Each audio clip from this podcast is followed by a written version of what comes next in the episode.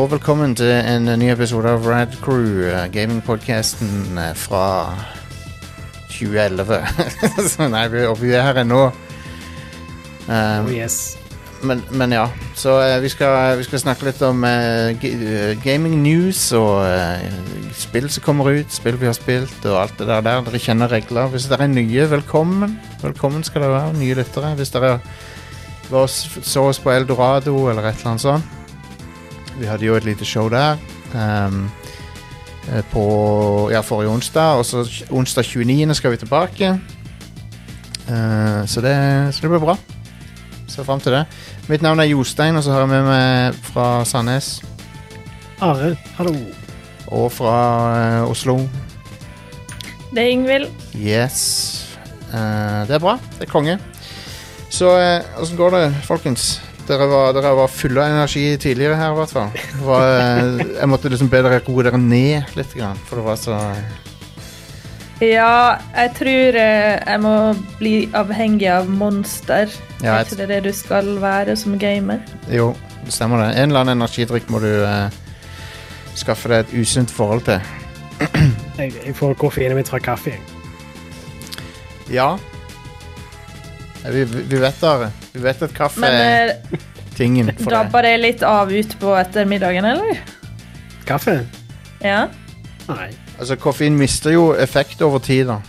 Sånn, sånn, jo mer du drikker av det, jo mindre boost Ja. får du av det. Jeg er sikkert ganske immun mot effektene, nesten. Ja. Jeg. Jeg veit hva vi kan gjøre. Vi kan ta sånn pre-workout før sending. Opptak. God idé. Veldig god idé. Um, det er et innspill som vi tar med oss videre, Yngvild. Ja. Hiver det i idéboksen og Ja. låser den uh, vekk og Få hjerteinfarkt under opptak. Putter det i idéboksen, og så kaster nøkkelen, og så hiver boksen i sjøen. Yes. Neida. Neida, det, det hadde sikkert vært en god idé, det, å gjøre det. Men, uh, men det er oss folk vi snakker om nå. Så det er en, det er en podkast jeg tror jeg som heter Muskelnerdene, som mailer maila meg. Mm. Og de var sånn der Nå må vi få med oss Radcrew på et uh, treningsopplegg. For det første eh, Kjenner dere oss? Vet dere hvem vi er, liksom? Men så, det, og så for det andre Nei da, det, det jeg svarte var at det, det var et kjempebra initiativ, men eh, eh, Når jeg svarte dem, så var, så var det liksom Den deadline de hadde sagt da for liksom, du skulle trene så og så mye Og så hadde de fått med spilledåsene på det og sånne ting. men altså, jeg, svarte dem, så var deadline allerede ute, da. Så da var vi for seint til å bli med i det hele tatt. Ja. Så det, det sier vel alt om oss, tenker jeg. Det sier vel alt om åssen Ja. vi gjør ting. Men vi har noen eh, løpere i communityen, altså. Ja, vi har det. Løping, løping er ehm, uh, sosiopatisk oppførsel, etter min mening.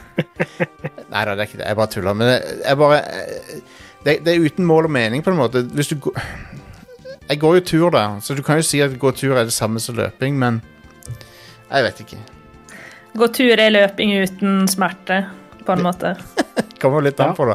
Hvis du, går, Ja. hvis du går ut i skog og Hvis du går ut i skogen eller går masse oppoverbakker og sånn, så er det vel trening. Teller det vel som trening, er det ikke det? Jeg liker bedre å springe enn å gå på fjelltur, faktisk. Men når du springer, så belaster du jo ledd og sånn. Gjør du ikke? Jo, men du blir også sterkere, så det her med at du får dårlig kne av å løpe, er faktisk ikke sant. Nei, det er ok. motsatt. Hvert hvis du er-. Hvis du er normalvektig, så stemmer sikkert det. Ja, der er, der er noen hensyn du må ta. Ja. Men uh, på fjellturer, iallfall, der jeg er opprinnelig ifra, så kjenner jeg at jeg har lyst til å dø når jeg går oppover.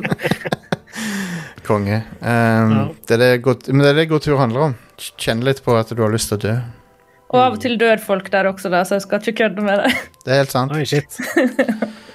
Mount Everest, der ligger det strødd med døde folk. Ja. Um, OK. eh, over, overgang til neste tema her. Eh, så eh, det der uh, Beneath the Steel Sky Nei, Bio, hva heter oppfølgeren? Toren, i hvert fall. Det kommer ut på konsoll nå. Er det Beyond the Steel Sky det heter? Ja, Det er det, ja. Stemmer. Ja. Og så, eh, så fant vi ut at vi skulle ha en topp fem-liste om uh, andre cyberpunk-verdener som, er- som er eksklusive til dataspillere, så vi kan ikke ta med noe fra utenom dataspill, sånn som Blade Runner eller noe sånt. Så det er rett og slett topp fem, uh, top fem uh, cyberpunk-verdener i gaming.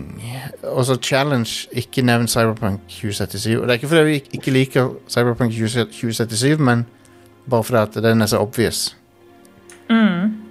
at eh, jeg tenkte det var greit å prøve uten. Skal vi se, Hvor er topp fem-lyden min her, da?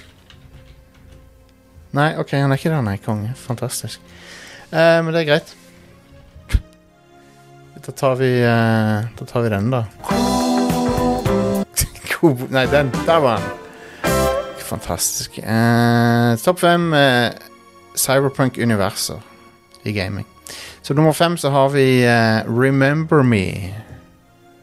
Mm. Og det er jo fra Don't Nod, som De er jo kjent for noe helt annet nå, men Ja, for Life is Strange, ja, kanskje mest. Stemmer. Eh, og, og Remember Me er jo et spill som eh, jeg tror enten du liker veldig godt eller misliker veldig mye.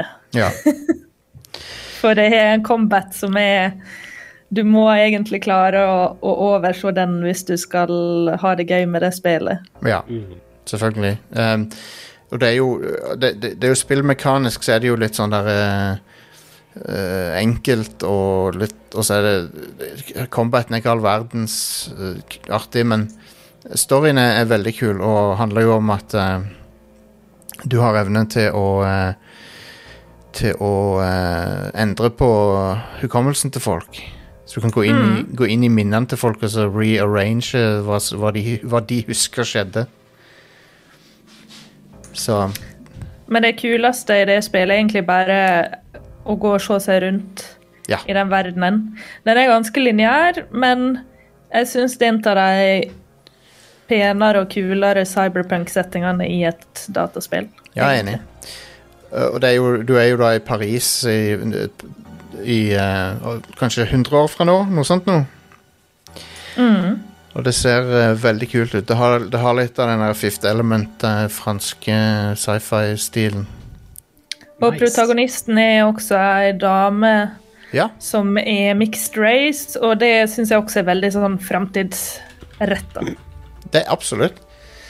Og jeg likte hun veldig godt. Syns hun var en veldig kul uh, Kul helt. Spillhelt. Tror jeg heter Nilin. Nilin var det, ja. Stemmer. Ja. Uh, vi har også intervjua komponisten til spillet på dette showet. Faktisk. Og musikken i Remember Me er utrolig bra. Mm.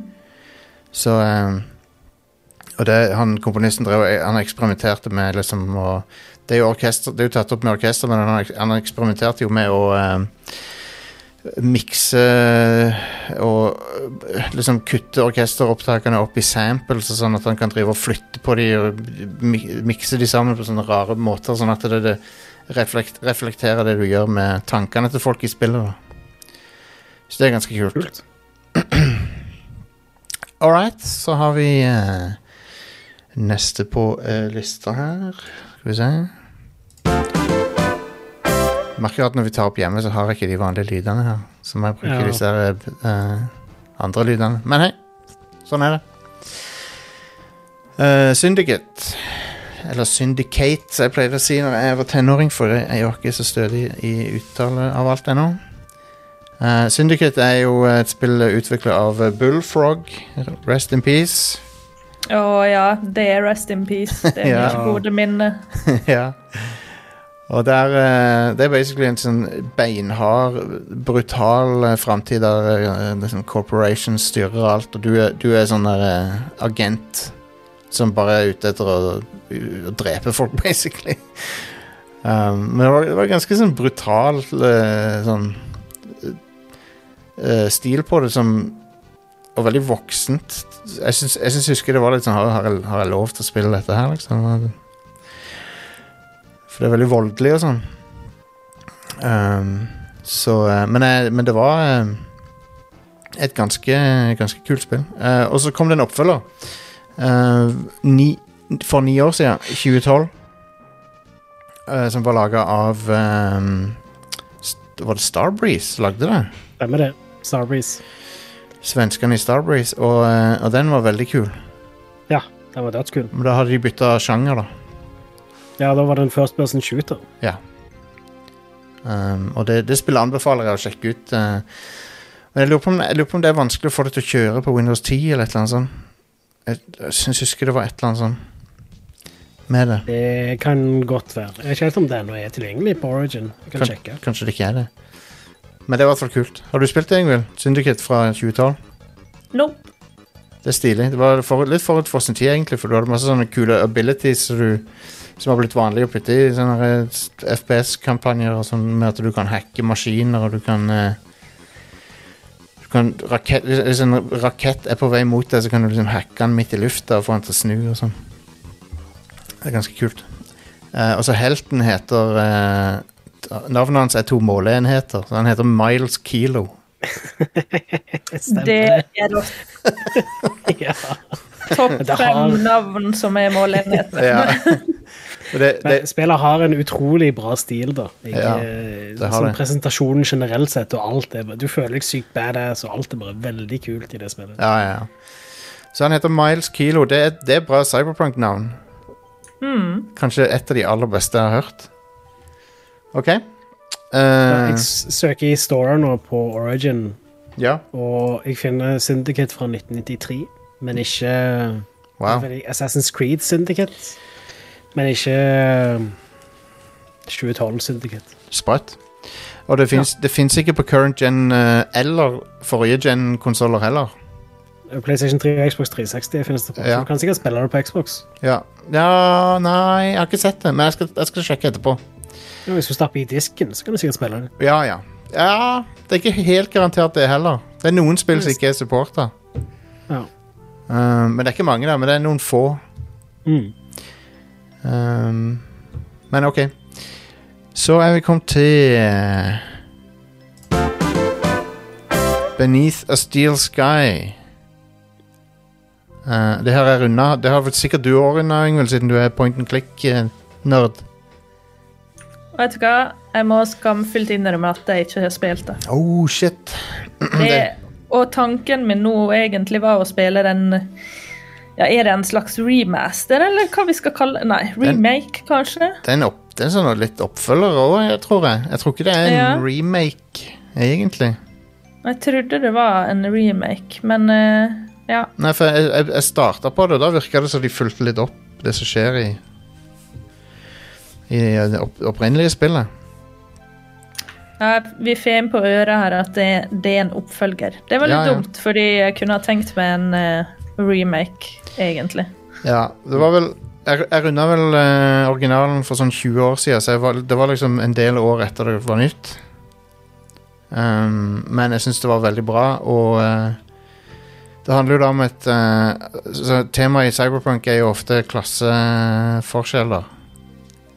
Og uh, i dette spillet så er det sånn at de fattige i den megabyen som det foregår i, de, de bor på toppen. Toppetasjene. Altså alle rike bor nede med bakkenivå. Der er det sånn fint og grønt, mens helt øverst er det bare sånn eh, smog og uh, fabrikkstemning.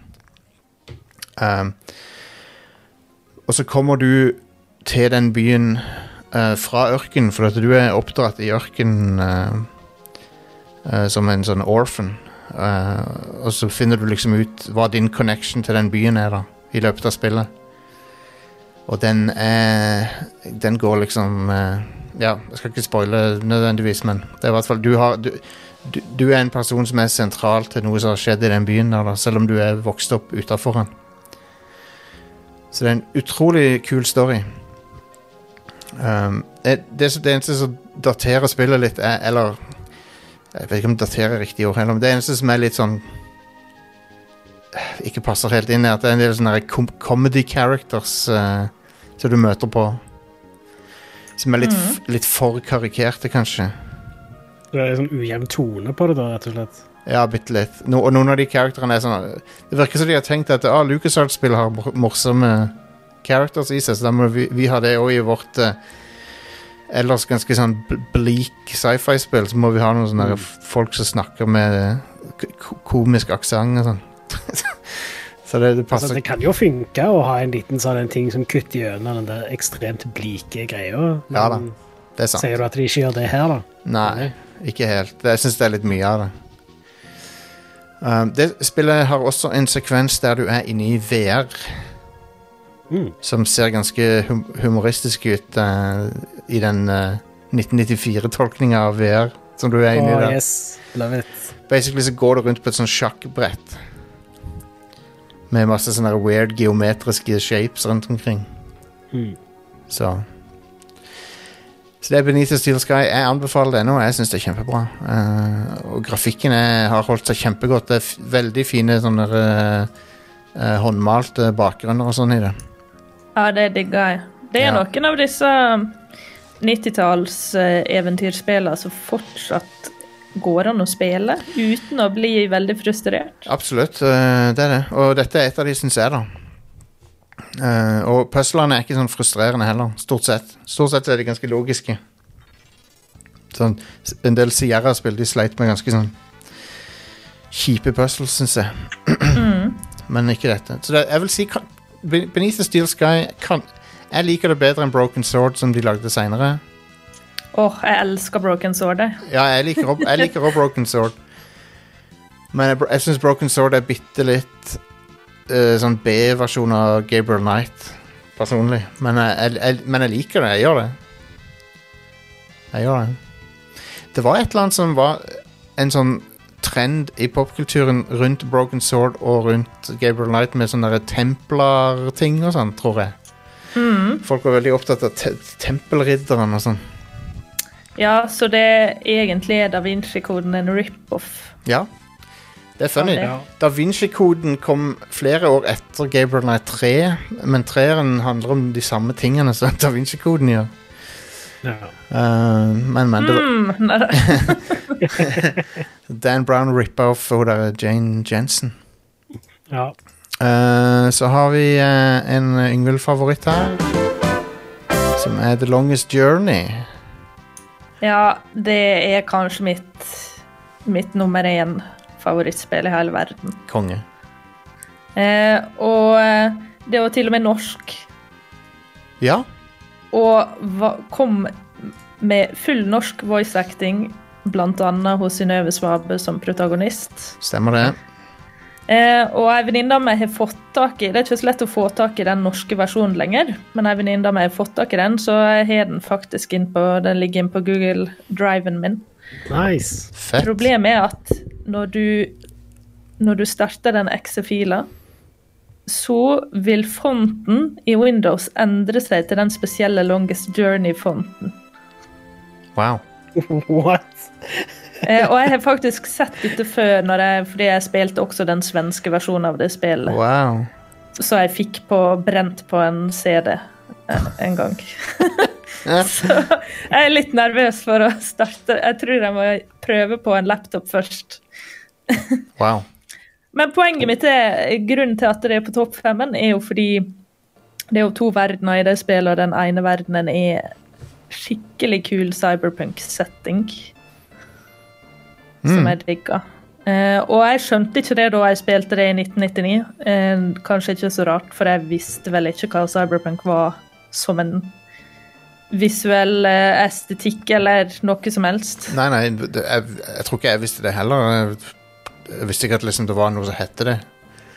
Men du har alle ingrediensene. Du har neonskilt, du har folk som er på syntetiske drugs.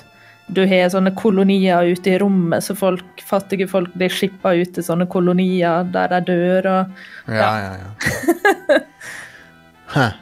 Det stemmer det når du sier det. Det er jo, det er jo cyberpunk. eh, det, det er interessant å eh, for, eh, for cyberpunk har blitt veldig synony, synonymt med én type estetikk, og det er Blade Runner-greia. Og, og Cyberpunk 2077 låner jo også fra den. Men eh, det, det er jo mange ting som kan være cyberpunk. ja, eh, nå er jo da Stark, så er den verdenen som er den teknologiverdenen i Longest Journey, er jo egentlig ganske lik jeg, Cyberpunk eh, 2077-verdenen, syns jeg, da. Ja, ok. Eh, Det er litt mer, det er litt mer raves og farger og sånt enn du har i Blade Runner, Ja. i, etter min mening. ja. Men um, det var Nei, jeg syns uh, de tar altfor lite credit for den verdensbygginga de gjorde i Longest Journey. Det er jo Mm. egentlig har Ragnar Tørnquist og de andre som hjalp til der. Ja. De kan være stolte av det spillet. Mm. ja, de kan det. Det er synd at den norske dubben er så vanskelig å få tak i. Mm. Uh, Ja, nå sitter jeg på den, da, så hvis noen vil ha den, så er det bare å spørre meg på Discord eller på Twitter. um, det hadde vært kult om de uh, brukte Synnøve Svabø i den Dreamfall Chapters også, men um, Ja, Men, hun, men du, du spiller ikke som hun, hun der, gjør du det? hun April eh, Jo, du gjør det OK.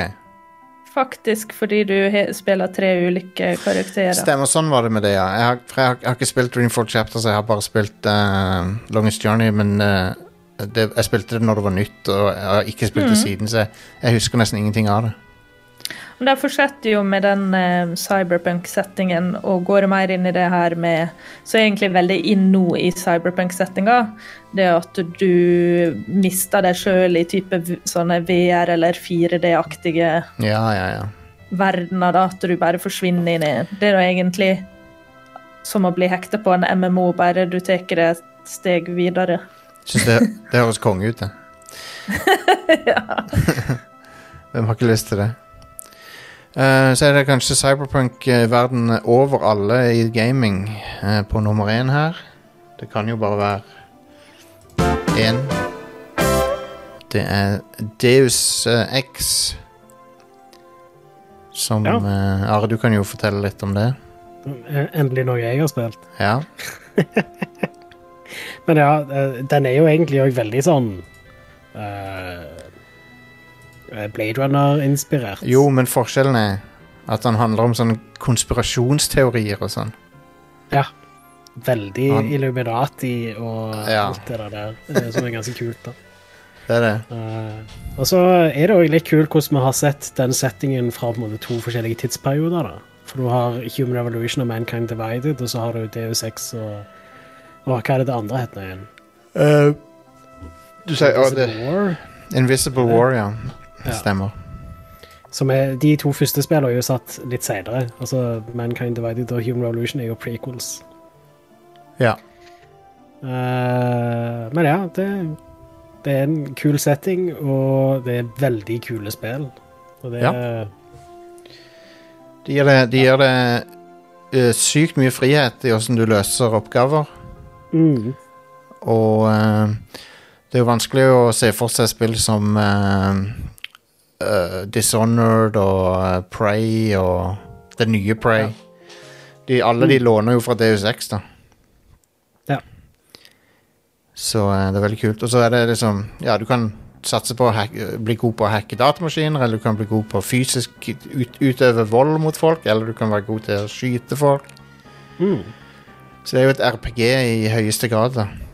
Ja, absolutt. Mm. Uh, så det er et veldig kule spill. Um, han Adam Jensen er bitte litt cringe, uh, syns jeg, men Både og, vil jeg si. jeg, jeg, kan, uh, jeg, kan, jeg kan tåle det. Jeg, setter veldig pris på Adam Jensen, sånn sett.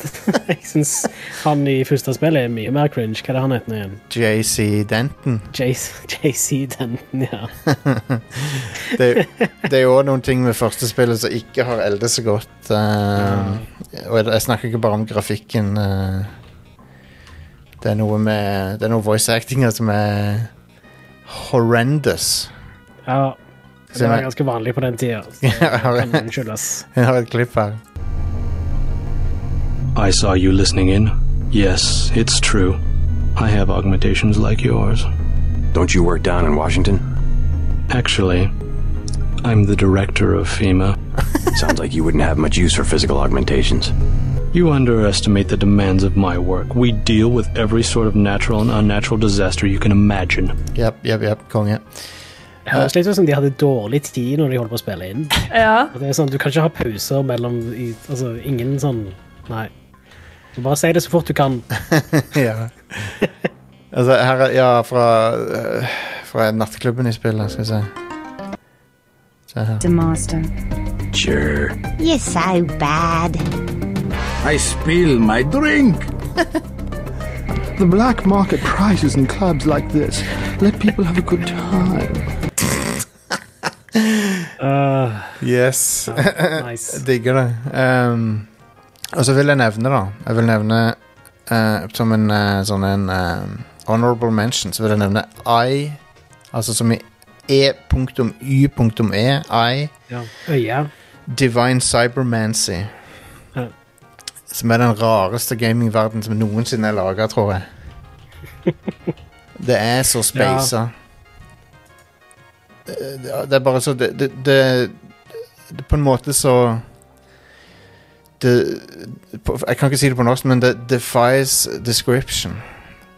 Det, det, du kan ikke forklare folk hva Akkurat som du kan ikke forklare folk hva The Matrix er, så kan du ikke forklare folk hva I, Device Cyberman, Divine Cybermancy, er for noe. Mm. Det ser litt ut som Warhammer. Det ser litt ut som I don't fucking know. Det, det, det, har, det har ingen sammenligning, nesten. Eh, og, og spillet er fullt av sånn bisarre termer og begreper. Og det, det, det bare føles veldig alien, hele spillet. Uh, så de har, de har lykkes veldig godt i å lage en weird verden. Um, men det er janky som et helsike, da. Eh, Og de samme Det er folka det første spillet til det studioet, tror jeg. Ja, kan stemme det. Um, det har litt kul stil, syns jeg. Mm. Absolutt. Eh, Jeg vil forresten også bare trekke fram den uh, hub-verdenen i Mankind Divided, DU6. Den er sykt kul å utforske. Men den er litt liten i forhold til forgjengeren, er han ikke det? Ja, men tingen er at eh, Han er kanskje liten, men han er eh, tettpakka AF.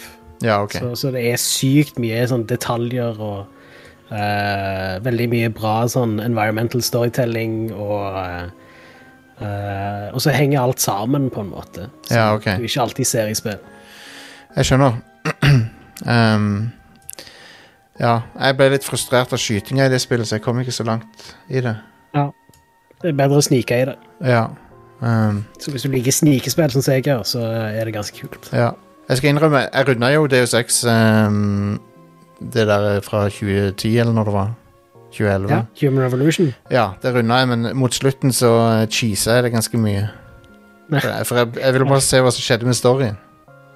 Men den type spill er jo ekstremt cheesable. Ja. Det er jo litt av poenget.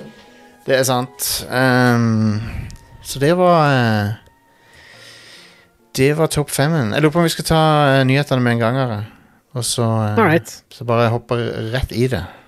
Ja. Uh, jeg kan jo begynne med de balle nyhetene først. Kjipe ting skjer rundt omkring i verden. Ja, det er noen ting som skjer. skjer. Så eh, Folk har jo sikkert fått med seg at det har kommet en ny lov i Texas som er ganske forkastelig og forferdelig og egentlig ren ondskap. Ja. Eh, så sjefen for utgiveren Tripwire Interactive, John Gibson, skrev nylig på Twitter at uh, han var ganske stolt over den nye loven i Texas. Han skrev det. Uh, og selvfølgelig så har ganske mange folk rundt omkring i spillindustrien bare ja, bli, uh, fordømme det standpunktet. Uh, blant annet Corey Balrog og Cliff Blesinski og Mm. uh, I tillegg så har eh, det studioet som lagde Chivalry 2 og Maneater, som har hatt et samarbeid med Tripwire, eh, de har nå bare trukket seg fra det studioet. Ja. Uh, de bare skriver at uh, vi, vi kan ikke ha en avtale med et selskap med den ledelsen, rett og slett. Nei. Og nå har han trukket seg. Ja. Det kom ut i dag da at eh, eh, han har nå trukket seg fra Tripwire med umiddelbar virkning. Spørsmålet er er han fremdeles ei- medeier, for hvis han er det, så, så er Han er det. Ja, så da er det liksom ja. Han har egentlig bare Han har- Hva en skal si, slutta å være CEO, og det er noen andre som skal være det. Men han er fortsatt bak der og trekker i trådene, virker det som. Ja. Og når jeg skjønte det, så ble jeg litt sånn shit. Jeg har jo ofte liksom vært glad for folk som trekker seg fra å være ansiktet til Ja. ja, om det er en spillutvikler eller hva det måtte være. Men jeg har aldri tenkt liksom Sitter der og tjener penger enda når du kjøper spill og sånn? ja. Og, og jeg skjønner det at det, det er ikke bare gjort på dagen å, å få han ut av å eie kanskje en halvpart eller hele greia, eller hva vi veit. Ja, han er en av grunnleggerne, liksom. ja. Ja. Så den Så en må være litt Jeg håper bare journalistene i spillbransjen er flinke til å følge opp. Og så Og er det jo presse. Eh, Så er det jo troll eh, som eh, driver og skal driver alltid med sånn bad faith-argumentering på nettet. Jeg ser folk skrive sånne ting som eh, oh ja, altså det, syns du det er bra at han måtte gå bare pga. at han hadde en mening om noe? Når du sier det, så sier du at eh, alle meninger er nø- nøytrale. Du sier at én mening er like mye verdt som en annen, og at alle meninger må vurderes helt likt opp mot hverandre. Uh, men det han med statementet sitt sier, er at han, han syns det er ok at uh, damer som, er, eh, som tar abort, får en 10 000 dollar bounty på seg. Um, og at abort skal være ulovlig selv hvis damer blir voldtatt. Ja, det er helt ekstremt drøyt, egentlig. Ja. Og syns at det er en fin lov, og sånn skal det være. Nei, det, det, det er horribelt. Det går, Ja. går langt forbi uh, Kan jeg si, jeg er jo, jeg er jo, jeg er jo alltid uenig med abortmotstandere, men dette går, jo, dette går så langt i den andre retningen at det, jeg kan ikke tro det. Jeg har veldig store problemer med å tro at den loven i det hele tatt har blitt gått gjennom, liksom. At det er en ting nå. Nei, det, um, det, det er horribelt, så jeg har uh, stor uh, empati med damer som bor i Texas, og jeg håper, jeg håper at uh, det ikke sprer seg videre, og Ja, nei, det, det er gale. Og jeg håper inderlig at det revurderes. Ja, problemet er at du har jo Det, det er jo et mindretall av gamle konservative menn som styrer, så Så blir Ja, jeg sånn. lurer på hvordan det er å være dame og jobbe i, i de utviklerne under den publisheren der og sånn. Ja, Mm. uff, Du må føle at ledelsen, eller nå er det iallfall han her, da, ja. ikke syns du er verdt så veldig mye som menneske, egentlig. Nei, det, det absolutt. Det er sånn, eh, sånn ville jeg tenkt på det òg. Eh, men, eh, men så er det en, den annen, en annen dimensjon med det, da. Er det eh, hvor, Hvordan trodde han dette skulle gå? liksom, Trodde han at det ikke skulle få noen konsekvenser overhodet å poste noe sånt som det der? Jeg tror litt av problemet er at du har et ganske stort segment så av folk som driver med gaming, så syns han er kjempekul nå.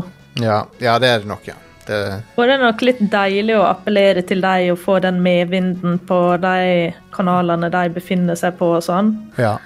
Eh, men eh, Men så klart, han måtte vel ha skjønt at å tvitre noe sånt er veldig brennbart, og at eh, jobben hans eh, sto i fare. Var noen som påpekte Han, han tweeta ikke noen ting mens, eh, opp, mens eh, Black Lives Matter-protestene foregikk i fjor. Han ikke noe ting Han har aldri tweeta noe politisk. Og, og som han sjøl sier, da, så, så, så skriver han jo at eh, jeg, jeg pleier ikke å uttale meg politisk. Men den ene saken han uttaler seg er det, om, er dette. Fytti katta for en fyr. Men det, det er mulig at han ikke ser på det som kjempekontroversielt, fordi for mange så er jo abort eh, mer et sånn religiøst spørsmål, og det går på menneskeverd og alle disse tingene, og familieverdier og alt sånt. Ja. Eh, så jeg tror nok i visse miljøer så blir nok det sett på som Nei, det handler om eh, religion og ja.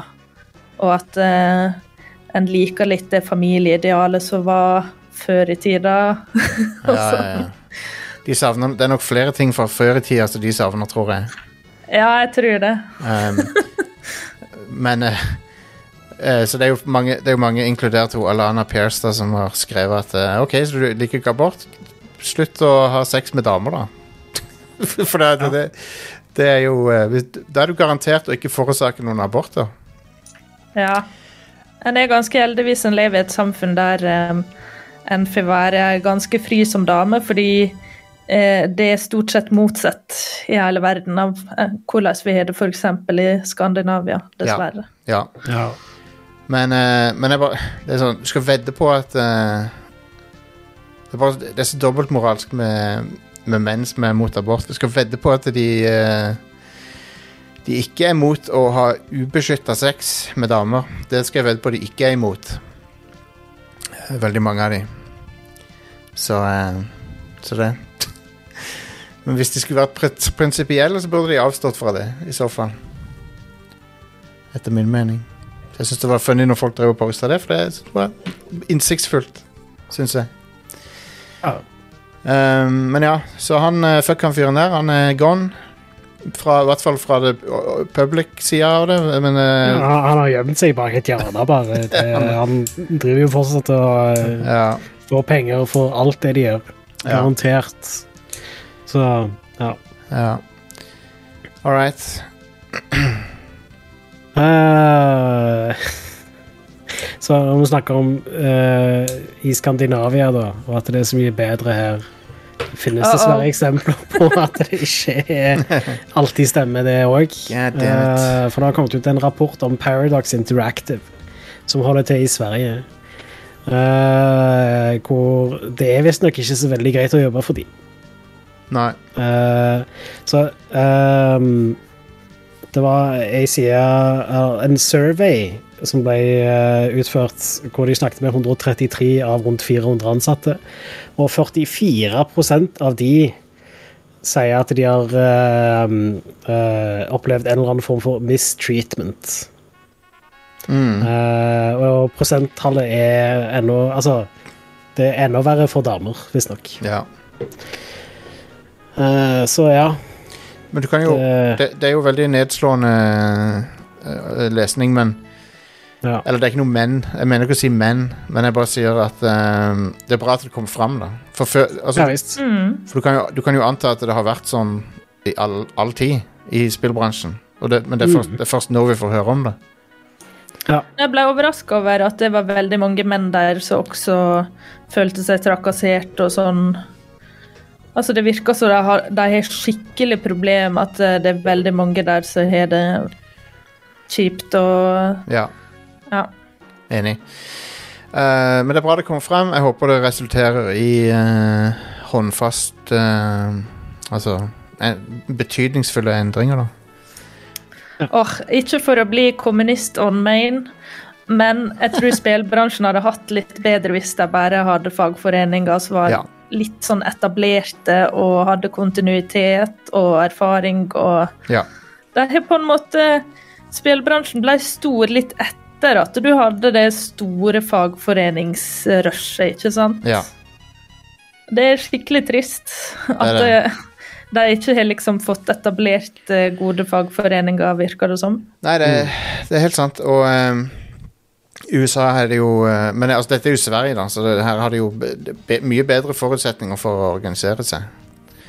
Um, men, i, men i USA så, er, så har det vært 150 år med Bokstavelig talt 150 år med nedslåing av fagforeninger. Um, enten direkte Ja. Enten direkte eller indirekte at de underminerer fagforeninger.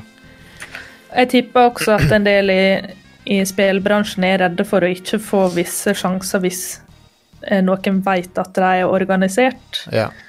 Eh, Og en ser jo til og med i Norge sånn så På visse store butikker her så mister du bonus hvis du er organisert og sånn. Ja. Så det er en helt sånn der eh, villa politikk på jobben, liksom. Det kan umulig være lovlig i Norge, vel, å gjøre det. At du skal bli straffa for at du er organisert. Jeg kan, det kan Det ikke være lovlig. Det, det kan ikke være lovlig. De må jo bli straffa for det, de bedriftene nå, når det, når det kommer ut.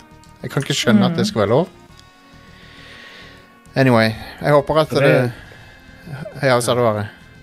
Nei, jeg skulle bare til å si det høres veldig ulovlig ut. Ja, det gjør det. Nei, Men jeg har opplevd sånn motstand fra ledelse når jeg har organisert meg, jeg òg. Altså. Ja. Eh, Når jeg jobber for eh, store bedrifter. Det er derfor du må ha loven Det er derfor at du må ha det lovfesta at det Og det har vi jo, at retten til å organisere seg. Sjefen har ikke noe med det. De har ingenting med det å gjøre. Absolutt. De kan ikke gjøre noe med det. På papiret. Men, men sant, de utnytter jo ofte unge folk, og, og, og sånn, presser de for, Og unge, Ja. folk, unge folk har lyst til å gjøre et godt inntrykk og sånn. Har har ikke lyst til å lage noe waves på jobb. Ja. Um, uh, men ja, angående Paradox, da, så uh, det, CEO-en Ebba Jungerud uh, slutta nettopp. Uh, og det har kommet en ny CEO som heter Fredrik Wester.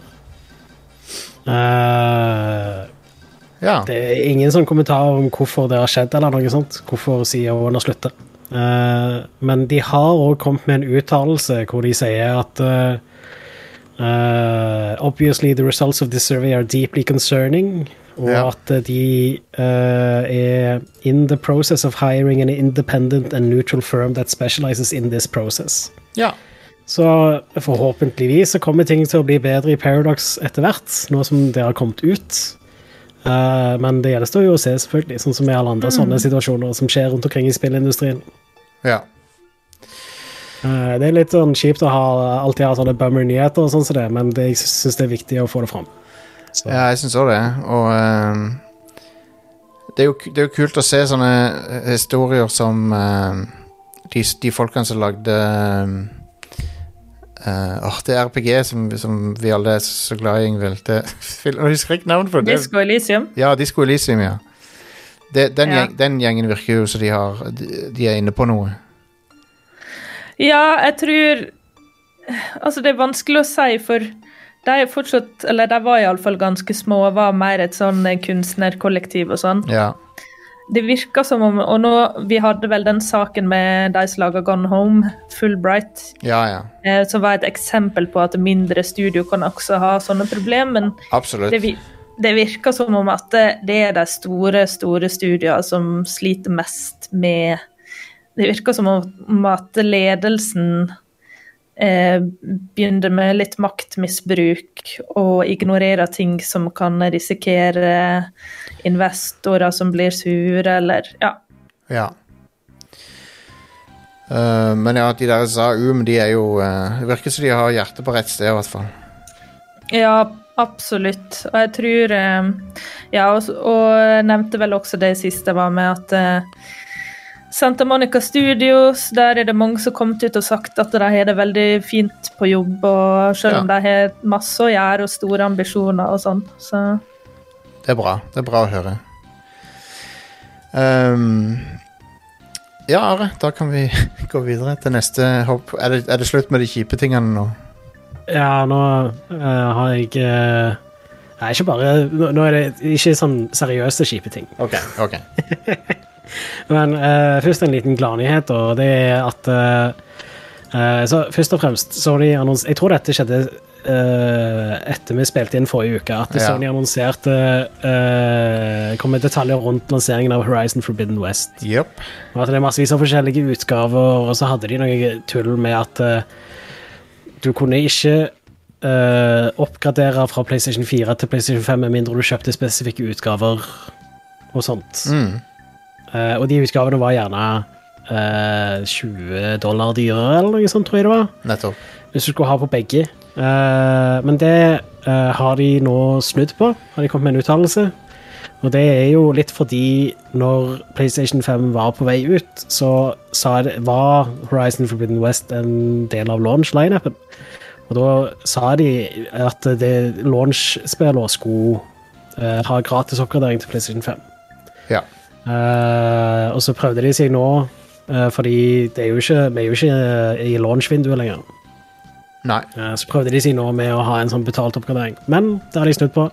Så Horizon Forbidden West, uh, hvis du kjøper det på PlayStation 4, så får du òg PlayStation 5-versjonen. Ja, det, det føles jo veldig urettferdig Eller det, det, det er en veldig kjip måte å gjøre det på, sånn som de, sånn som de opprinnelig skulle gjøre det. Så Ja, og, og det de òg sa i denne uttalelsen, sånn for å få det på det rene, da, er at fremtidige utgivelser fra Sony kommer til å ha en 10 dollar oppgradering. Hvis du skal, ha, hvis du skal oppgradere fra PlayStation 4 til PlayStation 5-versjonen. ja. Uh, Så, så det er det som kommer til å bli standarden framover. Det Det er logisk, fordi PlayStation 5-versjonen av spill er generelt sett så mye dyrere uansett. er det, men eh, Xbox har jo vist veien her med den der eh, Den der delivery Hva heter det for noe? Den Smart delivery. Smart delivery, ja. Det, det, det er jo det, det er sånn det burde funke i alle tilfeller. Det hadde vært veldig fint om Sony òg hadde bare gjort sånn at ja, hvis du kjøper PlayStation 4-versjonen, så får du PlayStation 5-versjonen når den eventuelt kommer. Ja. Uh, men Det så, og det er så Eh, bra med det, På Xbox er det så, det er sånn bekymringsfritt, for du bare vet at du Men på, på PS4 så kan du ennå risikere å laste ned feil versjon og sånn. ja, de har gjort det mye mer åpenbart nå, da. Ja, de har det. oppdateringer. Det var mye verre på lansering. Ja. Uh, men ja, altså Sony Dette er jo veldig sånn Sony er markedslederen, og de trenger ikke å liksom please noen. De tjener ja, kaps uansett. Det er sant. Det, er utsolgt. PlayStation 5 er utsolgt. Eh, Så Er det. ja. Jeg er glad jeg, er glad jeg har en. Ja, ja, jeg òg. jeg gleder meg til å spille Forbidden West. Mm. Jeg tror det blir kult. Men uh, La oss uh, nå er- jeg keen på å snakke om den her neste, for den er funny. tenker du på Sonic Colors Ja. Ultimate? Eller Penultimate, om du vil. Du får uh, WWE 2K20 til å se ut som uh, Super Mario Odyssey i forhold. Ja. Dette er jo originalt et spill som kom ut på Wii. Og så har det nå Er det i dag det kom ut? Ja. En ny versjon Ja, det er i dag, ja. Eh, til um, eh, PC, Nintendo Switch, PlayStation 4 og Xbox One. Eh, en sånn eh, remaster.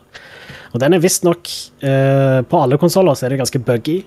Og så er det Ja, jeg så en, en anmeldelse av det på YouTube, og det var ikke så veldig mye positivt å si. Det virker som originalversjonen fortsatt er bedre. Ja, og eh, på Switch så er det uspillbart. Ja, på Switch så er det broken. Du, du kan oppleve å få bugs hvor det ser Det ser ut litt sånn som når skjermkortet ditt har tatt kvelden. At Ja. Du får masse sånne fucka farger, og ting bare ser feil ut. De kan, de kan ikke ha playtesta det på Switch. Hva er det, hva er det som skjedde? Sikkert ikke. Det ser Så- helt insane ut. Det ser ut som du har, som du har migrene og får sånne sikksakk-mønster på øyet. Det får jeg av og til. Ja. Sånn ser det ut. Det er jo ikke sånn at det skjer uansett. Du må gjøre spesifikke ting for at det skal skje. Ja. Men det er noe du kan snuble over. Så så det er bugs, da. Men Ja. ja. Men ja, så det er en eh, Det er borked eh, det, Men å, det er så rart Hvor vanskelig skal det være å gi ut en port av et spill fra 2013, eller når det er? Det er jo veldig sånn de, de har ikke gjort en skikkelig jobb her. Nei. Ikke med noen av versjonene. Så ja. Ikke kjøp eh, Sonic Colors Ultimate. Ja. Eh, jeg omdøper det til Sonic Colors Penultimate. Konge. Yes. Men jeg, jeg, ser at, jeg ser at noen av de mest crazy glitchene her har de fremprovosert, da. Ja, ja, Men det ser jo helt bananas ut. Ja, det gjør det. Konge.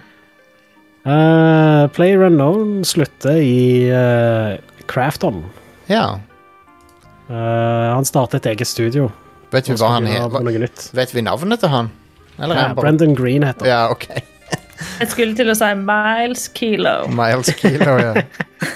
oh, jeg, jeg skulle ønske det var kallenavnet mitt på internett. Jeg skal bytte navn til Miles Kilo. Lovlig bytte navn til det. Ja. Uh, men ja, han slutta å jobbe med PubG, uh, og skal um, Ja. Starte et nytt studio for å lage noe han har sett for seg i årevis, visstnok. Oi, folkens, uh, breaking news. Nå er jeg inne på whatisthematrix.com, som er igjen launcha igjen for første gang siden 1999. OK. Holy shit. Den, det, husker dere whatisthematrix.com? Det var, ja, det demmer så vidt langt bak i hjernebarken. det var liksom markedsføringssida til The Matrix, og nå er den oppe og går igjen. Matrix så jeg på VHS på en bitte liten TV. Ja, konge. Det, det, det, det er kanskje ikke den beste måten å se den på, men Jeg tror jeg var for liten til å se den på kinoen, eller noe. Oi, de, det er klipp, de viser, nå ser jeg klipp fra fireren. Oh my god. Ok, jeg skal se mer på det seinere. Jesus. Holy shit. Nå ble jeg litt hyped. Uh, sorry, Are. Avbryt det. Ja, nei, det går fint. Det var ikke en spesielt viktig nyhet eller noe. Nei, ok. Uh, men ja, det blir for så vidt interessant å se hva eventuelt som kommer ut av Brendan Green. Player Known var jo kind of a big deal. Ja. Så, ja. Uh, det var nyheter. Skal vi gå over til ukas utvalgte utgivelser? Det skal vi hvert øyeblikk, men før vi gjør det, så, uh, så må vi uh, dele noen ord fra vår sponsor her. Ja. All right. Så denne episoden av Radcrew er sponset av Razer. Uh, og spesifikt uh, så, vi, uh, så, så er vi sponset av Razer Huntsman V2 Analog-tastaturet. Som har justerbare aktiveringspunkter på tastene. og, og du kan også ha analog input. Som Razer sier er de mest de, Switchene i tastaturet er de mest avanserte som de har laga. Og eh, med feedback fra Razer sitt eh, community av gamere, så har de tatt, eh, tatt det tastaturet Elite, Elite, Huntsman Elite. De har brukt det som basis, og så har de gjort det enda bedre. Eh, og det tastaturet heter da Huntsman V2 Analog. Razer, de er Dere kjenner til Razer, folkens, gjør dere ikke? Ja, jeg har masse racer. Ja, ja, ja. Um, de lager solide ting. Razer de er verdens ledende livsstilsbrand for gamere. Og det er ikke rart, for alle som jobber i Razer, de er sjøl gamere. Og de vet hva, som, hva vi setter pris på, folkens. Uh, og så har de et initiativ som heter Go Green with Razer. Uh, og det er at Razer har som mål innen 2030 å kun bruke resirkulerte materialer i alle produktene sine. Og i tillegg, Awesome. ja, absolutt. Og i tillegg så skal de bruke fornybar energi til å produsere de. Fantastisk. Så takk til vår eh, sponsor Eraser. og sjekk ut uh, tastaturet Ra uh, Huntsman V2 Analog.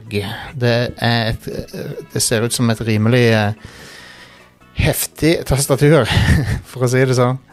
Så, eh, så ja, takk til sponsoren vår. Og da kan vi gå til ukas utgivelser, Are. Yeah. Eh, så ja, i dag kommer Sonic Colors Ultimate, eller Penultimate. Uh, ikke kjøp det. det er ute på PC, Nintendo Switch, PC4, right. Xbox One. Uh, I tillegg så kommer det ut i dag Fist Forged in Shadow Torch. Det kommer på PC, PlayStation 4 og PlayStation 5. Eh, det ser litt kult ut. Sånn Cyberpunk Metroidvania-opplegg. Mm. Eh, Cool, cool, cool. På torsdag så kommer The Artful Escape ut. Uh, og Det så ser kult ut. Ja, Ja. det gjør det. Det er på PC, Xbox One og Xbox Series. Ja. Eh, veldig kul stil på det. Det ser spektakulært Eh, Og på fredag da er det mye bra snacks som kommer. Blant annet Life is Strange True Colors. Yeah! Det kommer på alt bortsett fra Switch. Ja for det, men det, og Switch-versjonen er sånn skal streames, eller hva? Ja, var, ja, OK. Var det en cloud version? Kommer den seinere, kanskje? Ja, noe sånt. Jeg tror det fordi at det, spillet ser jo for avansert ut til å kjøre på Switch. Og så når de viste fram video fra Switch, så så det ikke ut som Switch-grafikk, på en måte. Så likt ut som de andre versjonene. Ja, så I don't know. Ja. I, I tillegg så kommer Lost in Random ut. Ja. Eh, det kom på så å si alt. Hva det er for noe igjen? Det er et sånn et uh, EA viste det fram på si greie. Det er et uh, eh, Zoink Games utvikla det. Det, sånn, det ser veldig Tim Burton ut. eh, sånn, ah, ja. eh, det, det ser ganske kult ut. Eh, og det er et av de der EA partnerspillene. Uh, og det, det EA sitt partnerprogram er jo faktisk uh, visstnok ganske bra for uh, indie-developere og sånne ting. Så, -hmm. så det er verdt å støtte òg, syns jeg. Konge. Det ser ut som et dark psychonaut. ja, det gjør faktisk det. Uh, jeg jeg har bare sett den tre- eh, announcement-traileren av det, men det så ganske stilig ut, syns Det så veldig pent ut.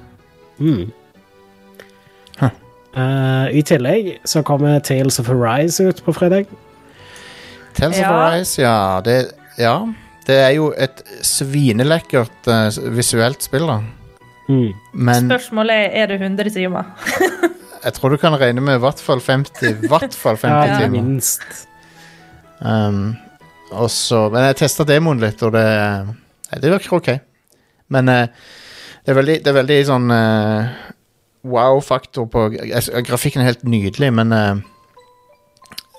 Tales-serien har alltid det der med at de de roper uh, movesene sine hele tida. Jeg, blir- jeg, får- ja. jeg, får- Ja, stemmer det. så jeg får litt, jeg får litt sånn der uh, hodepine av det av og til. Men, eh, men det er nydelig eh, sånn Det føles som next gen-grafikk. Det ser sykt fint ut. mm. Og jeg husker, jeg har ikke, Det er veldig lenge siden jeg har spilt mange Tales-spill, men jeg husker at de hadde ganske kule sånn action-RPG-slåssesystemer. Ja. Det er vel fortsatt uh, tilfellet, ikke det? Jo, jo, jo. Det er det. Eh, men ja, siste releasen på fredag som jeg ser mest fram til, da, er WarioWare Get It Together på Nintendo Switch. Ja. Det Det er altfor lenge siden vi har fått et nytt Wario-spill. Helt enig, og uh, det skal vi nok få testa til neste uke, tror jeg. Ja, konge. Så, eh, så ja, jeg ser fram til det. Jeg har alltid vært fan av WarioWare. Mm. Eh, litt dumt at de ikke lager andre Wario-spill lenger, men eh, men det er vel for mye å be om. De lager jo De lager jo ikke WarioWare oftere enn hvert åttende år eller noe sånt noe. så Ja. Når var det Og det var forrige 2D-Wario-spillet vi fikk, var jo på det på Wii. Ja. Når var, når var forrige War, WarioWare igjen? Uh, var det på 3DS? Ja, jeg tror det. Touched? Nei, det var på DS, det. Twisted. Hva var de het for noe? De har sånne rare navn. Uh, WarioWare Series. Da har vi um, Skal vi se. WarioWare Gold på Nintendo 3DS. Ja, ok. Ok, det fikk jeg ikke med meg, men det var fordi det var 2018, og det var 3DS. Ja. Det er jo Et år etter Switch kom ut. Det ble annonsert et år etter Switch kom ut. Oh my god. Ja. Mm. Nintendo, altså. Sånn som de holder på av og til. I, I don't get it. Jeg tror jeg, jeg må ha glemt at WarioWare Gold fantes. Jeg Ja, men- tenkte det siste var sånn DIY. Eller Ja, for vi fikk, det vi, fikk, vi fikk det ikke med oss fordi det er på en, død konsoll. Ja. ja, ja. Utrolig. Uh, men Get It Together blir kult. ja, Det er Fram til det. absolutt. Det ser eh, Det blir sikkert sjarmerende. Uh, det pleier å være bra humor i det og sånn. Ja. Uh, det, det, det på Wii hadde noen veldig morsomme gimmicks. Mm. Sånn som for eksempel det, det ene der du skulle ta telefonen raskest mulig. Ja, og så måtte du plukke opp Weird-moten. Ja, ja, ja, så han- fikk noe gjennom høyttaleren. Ja. Fantastisk. Ja, det var nydelig. Um, det var kanskje den beste bruken av Wii Remoten. Akkurat det minigamet der. Ja, Det var nok det. Uh, ok, er det mer da? Nei, da var det det var det som kom ut. Ja. Eh, da skal vi ta en liten pause, og så eh, er vi tilbake med litt spillprat, ok? Yeah. Be right back.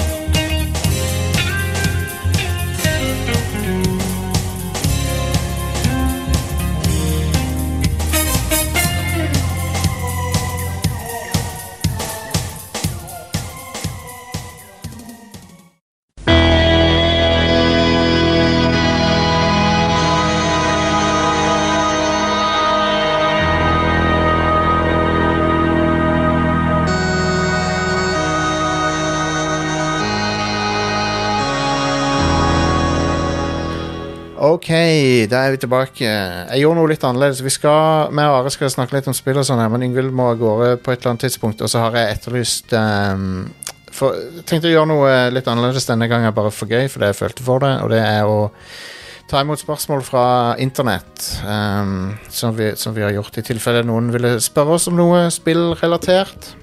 Litt crowdsourced content, rett og slett. Stemmer det. Så uh, vet du hva, vi varierer litt. Vi, i Rad vi har kanskje Av og til så har vi kanskje falt litt inn i et uh, mønster som uh, er litt safe og litt sånn uh, At vi, vi liksom Vi shaker ikke ting opp nok, så dette, nå skal vi gjøre det. Mm. Um, Så det jeg spurte er rett og slett noen som har noen spørsmål til enten Yngvild, Are eller meg, uh, for jeg visste at det skulle bli oss tre. Så, så har vi Squinty på, på, på twitter.com som spør uh, Når tror dere det blir såpass vanlig med skeive eller transkjønna spillkarakterer i mainstream og trippel A-spill at det ikke er noe big deal verken den ene eller den andre veien? Ja, jeg har litt tanker om det spørsmålet som jeg syns var veldig bra spørsmål. Ja, det er et bra spørsmål. Uh, jeg skal prøve å holde det kort, for jeg, som sagt, så Jeg syns det er et kjempeinteressant tema. Eh, og du kan trekke litt parallell til hvordan det var å drive med gaming på 80- og 90-tallet, når eh, damer egentlig ikke var protagonister i spill, i noe særlig grad, iallfall. Mm. Eh, Men det jeg tenker er jo at For meg så virker det som om at i mainstream-spill så kan du ha kvinnelige karakterer som er skeive, og slippe å iallfall få veldig mye kritikk for det. Ja. Um, og trekker frem f.eks. Ellie uh, og Tracer. Jeg veit ikke om hun Chloé Life is Strange om det liksom er mainstream nok. Nei, Men uh, kanskje ikke. hun Ellie er kanskje den mest kjente skeive i en stor kommersiell og uh, kulturell eh, suksess, hvis en kan Det- kalle det det. Det, ja, og, det- og det, det Altså, det var jo Det var jo litt kontroverser, kontroverser rundt at hun er lesbisk og Ja. Ja. Det ble vel sensurert i noen land. Ja, det ble det, det, Eh, ble Ja, det, det stemmer sik- nok. det, ble det helt sikkert, ja. Scenene mellom hun og Hodina. Men jeg tror nok eh, spesielt skeive damer og um, vil ha det mye enklere for å være i mainstream-spill. Jeg tror det blir mye, mye verre, eller mye mer kontroversielt, hvis du har noe som utfordrer mannsroller mer. Ja. Altså en homofil protagonist eller ei transdame som protagonist. ja. Fordi Altså, det rommet for å være noe annet enn den machomannen syns jeg virker ganske lite fortsatt i mainstream-spill. Det er det. Iallfall for protagonisten, og egentlig for skurken og for alle andre. ja. Um, Og jeg tror dessverre det er Det vil nok bli en god stund til at det blir eh, noenlunde normalt. Det er veldig trist. ja. Jeg er enig. Um, for uh, Og det er jo en del av uh, Det er jo en del av, det, av den uh, kjønnsrollestrukturene som vi, som vi har laga, av en eller annen grunn. Um, og da mener jeg vi menn stort sett har konstruert de opp, og de uh, sier at det er veldig begrensa hva en mann kan være, da. Mm. Og um, jeg merker det sjøl at det er jeg er, jo, jeg er jo relativt innafor de rammene, men eh, Men ja. Jeg, selv jeg merker at det liksom Det er det, Ja, jeg, jeg merker at det er feil. Det føles feil at det er sånn. Um, jeg har tenkt mer og mer på det. Men, ja. Jeg husker når de annonserte at eh, det ikke skulle være noe sånn at du valgte kjønn i Cyberpunk ja 2077. stemmer. At det ble litt sånn Ja, eh, folk ble dumme på internett av det. Tenk å bli, tenk å bli og, og synes at det er noe problem, da. Ja, men ja. Du, så lenge du kan Det er vel det um, eneste Eller det beste eksempelet jeg kommer på, hvor du bare kan straight up lager personen din sånn som du vil. Eh, Trans eller whatever. mm, I The Sims kan du velge um, eh, hva pronomen du vil ha, og om du kan bli gravid eh, Ja. Altså uansett hva kjønn du velger og sånn. ja. Ah, kult. Eh, men Sims fikk også veldig mye pepper tidlig i gamet når de hadde homofile, lesbiske forhold i spillet. ja. Um, jeg tror at um, det er Jeg tror det er ganske stor aksept for det. For, for skeive og transkjønna spillkarakterer i store spill. Jeg tror aksepten er høy, men så har du en hel industri som eksisterer på nettet, som tjener penger på å lage um, sånn uh, og, og hause opp kontroverser hver gang det kommer en sånn nyhet om noe. Mm. Ja. Og da har du enkelte youtubere som bare lever av De lever av å lage eh, eh, den typen content. da Ja. Uh, Og så lenge de fins, så kom Så Altså, så jeg vet ikke helt hva løsninga på det er, men uh... Jeg tror litt av problemet er fortsatt at marginene i spillbransjen er så små at uh, spesielt uh, utgiverne tror jeg har lyst til at en skal safe litt med spillene en lager. ja. Mm. Og det å ha en homofil protagonist vil nok bli sett på som en mye større risiko enn å bare ha en straight white dude, ikke Ja. sant? Og så Men jeg, jeg, syns det er Jeg synes det er fascinerende å, å, å, å se folk si at og, transtematikk og, og skeiv tematikk og sånn, at det er noe nytt, på en måte. At det, at det er noe som kom, har kommet nå. Um, for du, ser, du trenger jo ikke å Altså, du kan jo eh, gå tilbake til Jeg nevnte jo The Matrix i stad. Den er jo full av det. Det er bare det at folk skjønte det ikke på, på den tida. Ja, stemmer. Um, Og så er det veldig viktig, og det er mange som lurer på sånn Åh, hvorfor må dere prakke på meg at jeg må være homofil og sånne ting? Kan ikke jeg bare få velge sjøl, eller kan ikke vi bare eh, Er det så big deal at hun må være lesbisk? Men det er superviktig å få inn alle sine perspektiv. ja, det det. Eh, om det er ulik etnisitet eller legning, så har vi alle opplevd veldig ulike ting i livet, faktisk. Eh, og det er jo veldig kult å se ting fra andre sitt perspektiv, som du aldri hadde fått sjansen til. Helt Eh, og du kan jo høre på folk som forteller deg om ting de har opplevd, og du er litt sånn Å ja, ja. Kanskje det er litt vanskelig å relatere til, men når du da lever deg inn i en verden og er den karakteren, om det er i spill eller film eller bok, Ja. så er det kjempekult. Hvorfor vil en egentlig drive og og snakk om sensurering. Jeg føler egentlig det er disse som klikker på sånt, som sensurerer. ja. Det, det er sant, det. Og eh, jeg så jo eh, en annen, en annen hobby som Ingvild og meg har, eh, som er Formel 1, da. Og der er det jo var, Jeg så noen poster i dag, bare på Twitter, for jeg, jeg følger en del sånne hashtags og sånn. Der var det en eh, en LGBT-person Jeg så ikke eh, kjønnet til personen, eller noe sånt, så jeg kan ikke si det. Men, eh, men vedkommende skrev at de, når han Sebastian Vettel hadde på seg sånne regnbueeffekter og sånn i Ungarn, så sa, sa de at det faktisk betydde kjempemye for dem. For det er en, en streit hvit mann som gjør det, liksom. Det er, det, det er veldig fint for folk, fordi folk kan se det. Så eh, Ja.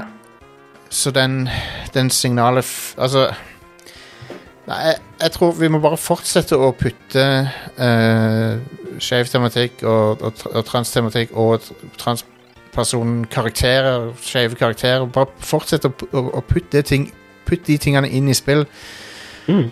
Og så over tid så blir det normalt. Mm. Uh, det, det blir det. Og det var det Gene Roddenberry gjorde. Han, han bare ga faen i det. For det, han han, uh,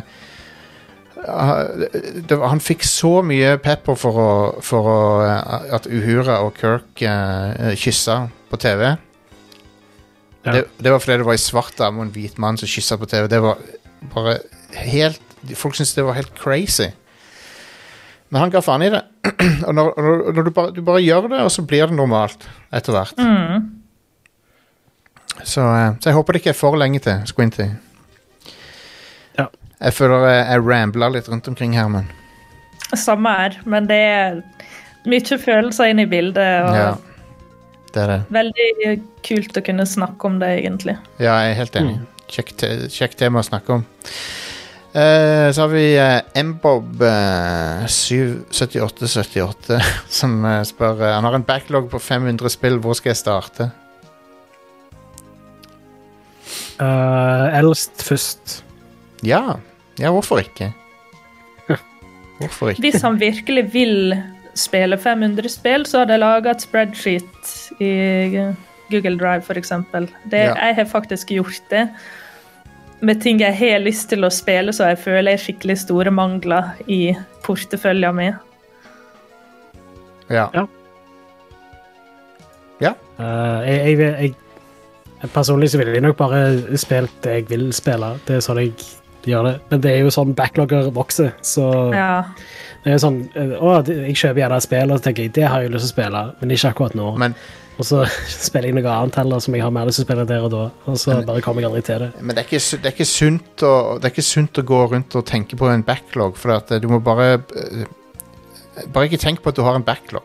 det, Nei, det, bare, bare spill det du har lyst til å spille, Ja. når du har lyst til å spille det. ja. Det er sånn du koser deg med spill. jeg, jeg, hater, jeg hater egentlig uttrykk som pile of shame og backlog og sånn, for det, eh, det, det er så Du skal ha det gøy med hobbyen, du skal, skal ikke være en byrde å tenke Mm. på det, liksom.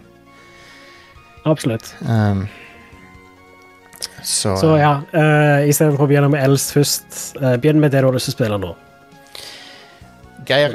Geir har et kjempespørsmål her, som er Er det greit å si at du ikke liker et spill etter ti timer når folk sier at spillet blir bra etter 100 timer? ja, absolutt. Det er det absolutt. Det er også gyldig etter ti timer. Ja. Jeg, jeg vil si Altså, hvis, ja, ja. det er absolutt Jeg er enig. Det er, gyld, det er gyldig å si at du ikke liker det etter ti timer. Det er det i Ja. nesten alle tilfeller. ja, absolutt. Det er ingen tvil. Uh, og det å si at ja, det blir bra etter 100 timer Hvor langt er det jævla spillet? Jesus Christ. Da er det, da er det jo gjerne et MMO, da. Ja, Eller noe I suppose. Sånn. og, og der er det jo faktisk relativt valid. Men for at et MMO skal bli bra, så må du jo like uh, the core gameplay. Da må Ja. du sette pris på det i begynnelsen òg, tenker jeg. Og en, en annen ting er og, Altså Final Fantasy 14 for meg, det er jo ikke det, det, det har jo blitt bedre og bedre, men det var aldri på noe tidspunkt dårlig. Mm. Så, eh, så det, var, det var bra helt fra starten, men det har blitt bedre. Um, men jeg føler hvis du, hvis du Jeg føler det er en slags uh, Stockholm-syndrom-greie. det, For du har spilt i 100 timer, og så ble det ikke morsomt før etter 100 timer. Da har du lurt deg sjøl til å tro at det plutselig ble bra, tror jeg. De 100 timene får du aldri tilbake. igjen. Nei, sant? Du har sløst vekk 100 timer. jeg må innrømme, jeg spilte jo gjennom hele Assassin's Creed Valhalla. Ja. Og jeg koste meg med noen ting, men jeg hadde en, ikke, ikke en dårlig følelse. Men det føltes heller ikke bra ut å ha spilt gjennom det og brukt 100 timer på det. Og så Nei, klart var det. ikke det noe særlig, egentlig. Nei, det er en bad følelse. Jeg tror jeg ga opp rundt 20 timer på det. Ja. Um, Ja, det var det, det spillet ga meg. 20 timer. jeg kommer aldri Ja, sant? Ja, for jeg, jeg kommer ikke til å gidde å runde det, for når jeg har hørt Yngvild snakke om det, så nei, da, da, da har jeg dodga den kula, tenker jeg. Du må ha så insane payoff hvis det skal være verdt det, og det var- syns ikke jeg det var heller. Yes, Så da, da blir det definitivt bra når de skal gjøre Assassin's Creed om til en, eh, en sånn service. Men veit du hva? Jeg har litt trua på den. OK. Ja. For, for da tror jeg kanskje Infinite er en plattform, og så gir de ut kortere historie på den plattformen, liksom. Det, er, Ja. det er et godt poeng. Hvis de faktisk gjør det, så kan jeg være down for det, altså. Mm. Det kan jeg. Uh, så ja, Geir, det er greit å si at du ikke liker et spill etter ti timer. Det vil jeg Tenk å, tenk å liksom Men det, men det, det fins jo noen så, sånne ting når jeg tenker på det i TV òg. Sånn Star Trek TNG og sånn. Det, det er ikke dårlig, da, i starten, men det er ikke Du må se liksom ganske Det er ujevnt. Ja. Uh, men ja. Ja. Så blir det Det er egentlig ujevnt gjennom hele den serien der, men det blir uh, kvalitet Ja, Altså, sesong, sesong, sesong 3, 4, 5, 6 er ganske bra. Sånn ja. ganske solide. Men det er noen episoder her der òg som er bare helt sånn Jo da. I alle dager. Ja, men i sesong 1 så har du eh, noen bisarre greier, og så har du i sesong 7 så har du Sex Ghost-episoden og sånn. Som er bare Ah. det er, de, det er kanskje den dårligste Star Trek-episoden, det. Mm, ja, kanskje. Men den er så dårlig at han blir bra igjen. ja, han er jo litt Jeg, jeg, kan, jeg setter pris på denne episoden. Jeg sitter og ler hver gang jeg kommer på at denne episoden finnes. liksom. Har du, har du, sett, har du sett den Ingvild, med når eh, Beverly blir uh, antasta av et spøkelse? Å, jeg husker ikke. Hun, hun leser i sin bestemors uh, erotiske dagbok, As You Do. Um, og så når hun sover om natta, så Hun, hun, hun er liksom dratt til planeten der bestemora bodde, der, for hun er nettopp død. planeten Skottland. Og, Ja, det er en sånn skotsk planet. Men, eh, men så blir hun liksom eh, b- eh, f- eh, befølt av, et, av en sånn der presence på natta. Da. Det er en grusom episode. Den, den episoden er så dårlig, men han er kanskje so bad it's good, da. Kanskje. jeg vil si det. Ja. Sub Rosa heter han. Bare sjekk han ut på Netflix. Ja. og så er det, ja, så Beverly og Troy snakker sammen. Så, er så Beverly så forteller liksom hva som skjedde, og så, og så sier uh, Troy liksom Oh, you go, girl. Og sånn. Bare, What? Hun ble tatt på ut, mot sin vilje av et fuckings spøkelse, liksom. Så sier du you go, girl til henne. Anyway. Uh, Adrian lurer på Er Command Conquer-serien død og begrava. Eller fins det håp eh, om at den kan gjenoppstå? Det fins alltid håp. Det er jo ikke så veldig lenge siden de kom med en ganske gjennomført remaster. Er det ikke det? Ja, den var kul, den. Veldig Ja. kul. Men jeg tror det er litt liten sjanse for akkurat den typen spill. i- Altså at de fortsetter å lage RTS-er på den måten. Ja. Ja. Eh, fordi det er på en måte en formel som har blitt ganske perfeksjonert i noen av disse spillene. Så hva mer kan du gjøre, på en måte? ja. Uh, men jeg, uh, Ja, nei, men I don't know. Det, det fins alltid. Jeg, jeg tipper du vil se en remake av Eller en reboot av Command Conquer eller noe sånt. Før eller siden så kommer det. Jeg tenker jo at de, de la jo faktisk ganske mye effort inn i de uh, remasterne. Eh, og hvis de solgte bra, så er nok det sånn en indikator for EA at det, det er verdt å eh, investere i et nytt Command Conquer-spill. Ja. Men Nå vet jeg ikke noe om salgstallene på akkurat den versjonen, da. Men ja. Nei, og så føler jeg kanskje litt at disse spillene ligger litt nede nå. Du hadde jo Age of Empires, Warcraft, Starcraft som var litt like, og med Command and Conquer og alt sånt, men det, det virker ikke som det er kommet noe særlig nytt, selv om det er ganske sånn hotte spill å spille i e-sport til en viss grad. ja. Vi var det. Det er vel ikke så mye det nå lenger. Ikke nå, nei. Uh, sånn Mo Mobar tok over, og så tok Battle Royale Eller ikke Battle Royale e-sport, kanskje, men uh, Ikke i mainstream e-sport, men det virker som det er et miljø som Ja. Iallfall som spiller Starcraft og sånn ennå. ja. Mm. Uh, så vet Yngvild her uh, Bjarte som lurer på din topp fem Annapurna-ranking. Ja, jeg har laga den, så jeg skal ta den kjapt. Ja. Femteplassen får faktisk Last Stop, som kom ut i år. Fordi det er morsomt, så måtte jeg ha med det. Mm. Uh, Fjerdeplassen er What Remains of Edith Finch, som er superkreativt, syns jeg. Ja visst. Eh, tredjeplassen er Jostein sin favoritt. Det er Journey.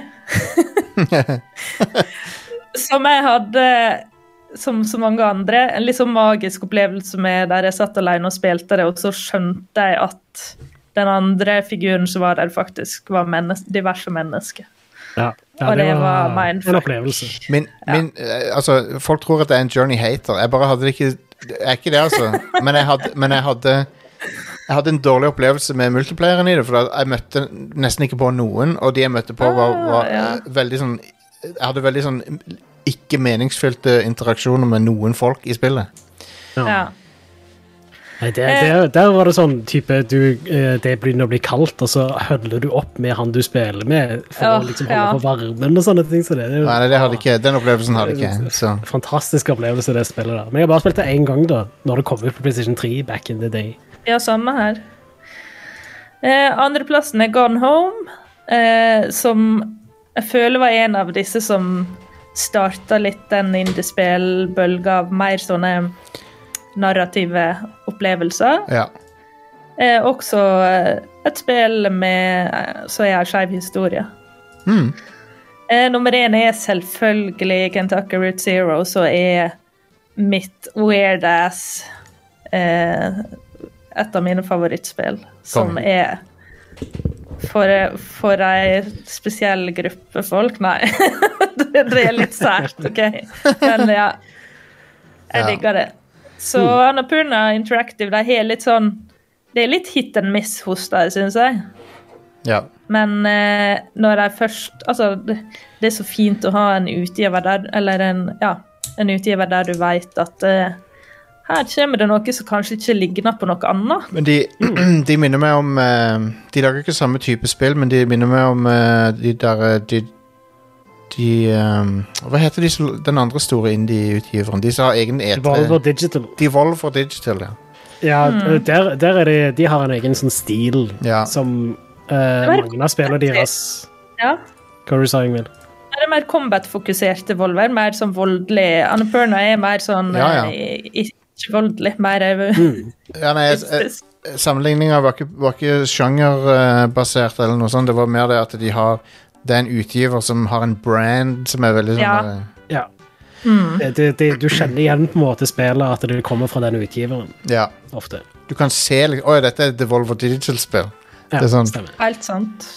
Um, og det samme har Annapurna, så Mm. um, Så har vi uh, et, Sir Kent spør hvor ligger rød ring i Zelda 1 og har magisk skjold en tilfredsstillende ROI. Hva mener han med ROI? Return, return on investment? Det må jo være det. jeg vet ikke. Har det Hva står det for? I don't fucking know. Uh, nei, jeg vil tro at det har ikke det. Det har ikke en ret ret bra return on investment i Zelda. Zelda 1 er ikke gøy å spille, syns jeg. Sorry. Jeg har faktisk ikke spilt gjennom Zelda 1. Jeg har prøvd, jeg har ikke runda det. Det er vanskelig. Jeg har ikke runda noen av Zelda-spillene på uh, Nes, Det, dessverre. Zelda 1 er brutal. Det Eh, er det. så Det er ikke så veldig lenge siden jeg ga det en til sjanse, bare som for å se. Jeg Ja. spilte det i noen timer. Uh, jeg kom et stykke, men det er jo bedre å bare hoppe til Link's Awakening hvis du skal spille et 8-bit Zelda-spill. det er der Zelda-serien begynner, egentlig. Uh, ja, Den moderne Zelda-serien, kan du si. Link to the Past og så Link's Awakening.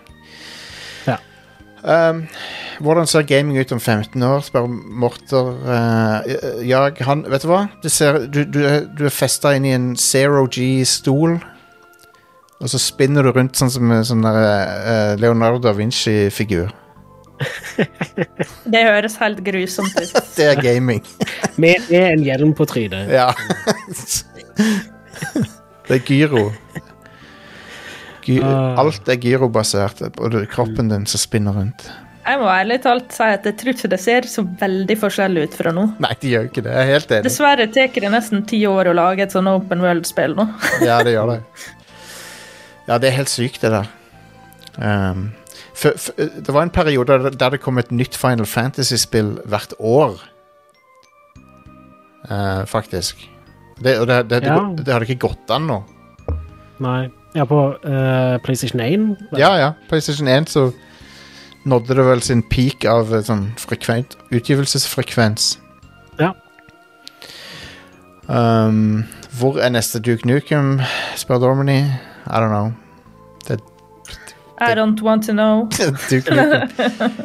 Ja, jeg trenger ikke vite. Nei. Det er helt sant. Duke Nukem eh, Kanskje han er død, faktisk. Kanskje han aldri kommer tilbake. Det, det kan faktisk hende, det. La oss håpe det. Ja. Um, de prøvde jo å lage en kvinnelig Duke Nukem med det derre bombshell, eller hva det heter for noe. Men uh, det ble ikke så godt mottatt. Mm. Og det, det er Ion Fury er oppfølgeren til det. Stemmer. Er det lov å kalle et spill for Tales of Arise? Uh, spør Snilte. Ja, det er vel lov å si, men jeg, jeg skjønner hvor du vil hen. Hva, det, hva blir det på norsk? Reisningens historie, skriver han. Yes. Ja. Sure. Reisningens eventyr. Og så har vi et igjen som jeg vet jeg kan se. Hvis jeg bommer opp, hvis jeg misser noe her nå, så beklager jeg det. Men um, Neste Retro-crew when, spør uh, Nikolai, og det vet jeg ikke. Jeg, hadde håpet det skulle være i sommer, men vi, vi klarte ikke helt å komme i mål med det. Men eh, Seinere. ja, senere, det kommer seinere.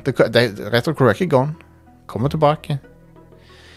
Um, og så en til eh, som vi kanskje kan, rekke her, som er Nikolai han spør også, hvilken spillsjanger er dere ikke er, er dere eh, dere ikke er så aktive i, kunne dere tenkt å utforske mer av? Så hvilken spillsjanger som vi ikke så, spiller så mye, kunne vi tenkt å spille mer av? For min del så er det nok eh, CRPGs. Ja, nettopp, ja. For det er, eh, det er en sjanger som jeg aldri satte så veldig pris på i mine yngre dager. Nei. Men eh, i nyere tid, sånn de siste årene, så har jeg begynt å sette pris på en del sånne ting i spill som er ganske vanlig i CRPGs. Eh, så jeg, det er sikkert en god del sånne klassiske PC-spill da, så jeg bør gå tilbake og sette meg ned med. Absolutt. Men eh, Det var et godt svar. Um, Ingvild? Kanskje fighting-spill. Jeg syns det ser gøy ut å være god på det. Ja. Eh, og egentlig også racing-spill syns jeg ser gøy ut. Bare en mestre av det. Jeg tror jeg, jeg har en tendens til å gi opp fort på ting jeg ikke er god på med en gang. Ja. Eh, og det er veldig dårlig egenskap, ikke sant? ja. Så det er kanskje de to sjangrene. Du, Ingrid, hvis du vil prøve deg litt på øh, F1 igjen, Ja. så uh, se på videoene til han Nico Rosberg. Ah, ja, det skal jeg gjøre. For han, han, han er så god til å forklare åssen du- tenker som racing driver, liksom. Og så viser han det i et spill, da. Så han, enten så bruker han FN 2020, eller så bruker han uh, et, en annen simulator. Men han liksom har det foran seg, så viser han Og her er det jeg ville gjort i den svingen og den svingen. Og sånn. Så, og han er, han er overraskende sånn ped god pedagog på det der. Så Ja, det skal jeg sjekke ut. jeg har litt sansen for Nico Rosberg. Han virker ok, han. Jeg vet at det, det er delte meninger om det, men jeg syns han virker ålreit. Um, min sjanger, da hvis jeg, det, må tenke litt her. Sportsspill, enkelte sportsspill kunne jeg tenkt meg å spille litt mer av. Um, Amerikanske, eller? ja, jeg tror det. Um, men Madden og sånn er så dårlig nå at det er ikke vits å hoppe inn i det, for de- den serien er bare helt elendig, så. Um, racingspill Men jeg spiller litt racing, men ikke så mye. Um, og så kunne jeg vel, tenkt meg veldig gjerne å brukt mer tid på uh, space um, uh, simulatorer, sånn som Elite Dangerous og Star Citizen og sånn. Samme her. Men kanskje, ja, kanskje den sjangeren jeg har mest som, som jeg bouncer veldig raskt av når jeg prøver det, for det er så overveldende. Men jeg har lyst til å, å lære meg det. Det er sånn 4X uh, space-spill. Mm. Sånn uh, Hva er det står for noe? Ex Explorer ex, Exterminate Et eller annet. Expand. Expand, ja. Exploit er vel en av de. Exploit, ja. De, den sjangeren eh, har jeg aldri vært god i, aldri klart det skikkelig, men jeg har lyst til å, jeg har lyst til å få det til.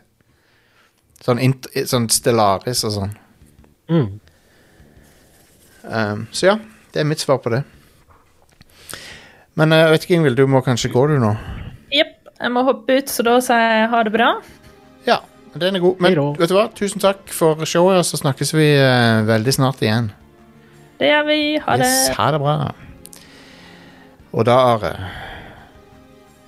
Hva har du spilt for noe siden sist? Uh, ja, godt spørsmål. Da har jeg bare fiksa streamen først. Å ja, streamen ble busta. ja, jeg,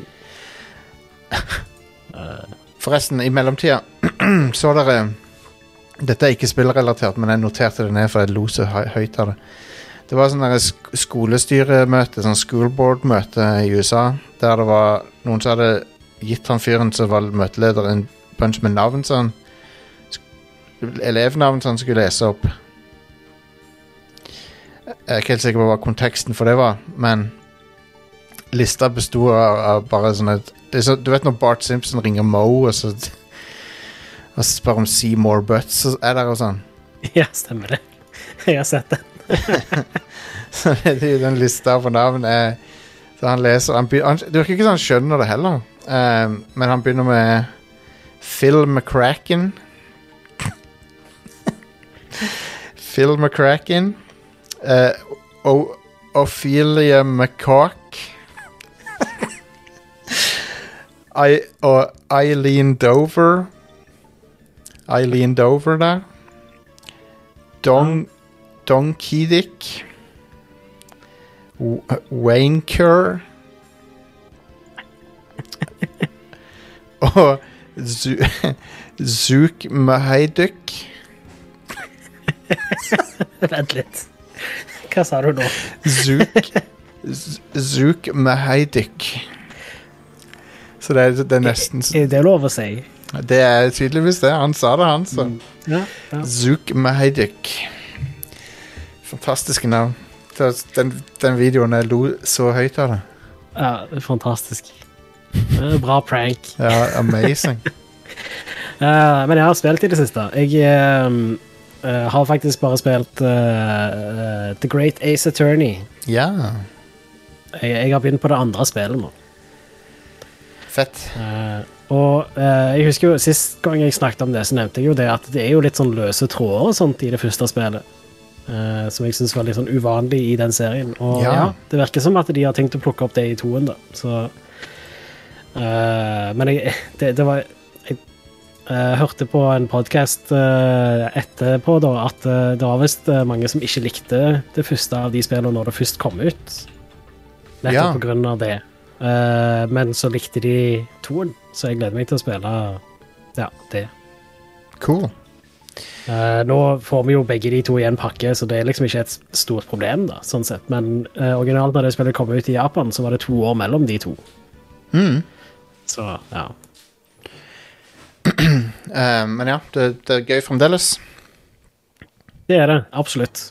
Uh, jeg uh, storkoser meg, faktisk. Det er jo uh, Jeg syns det er mye bedre enn de to forrige på 3DS.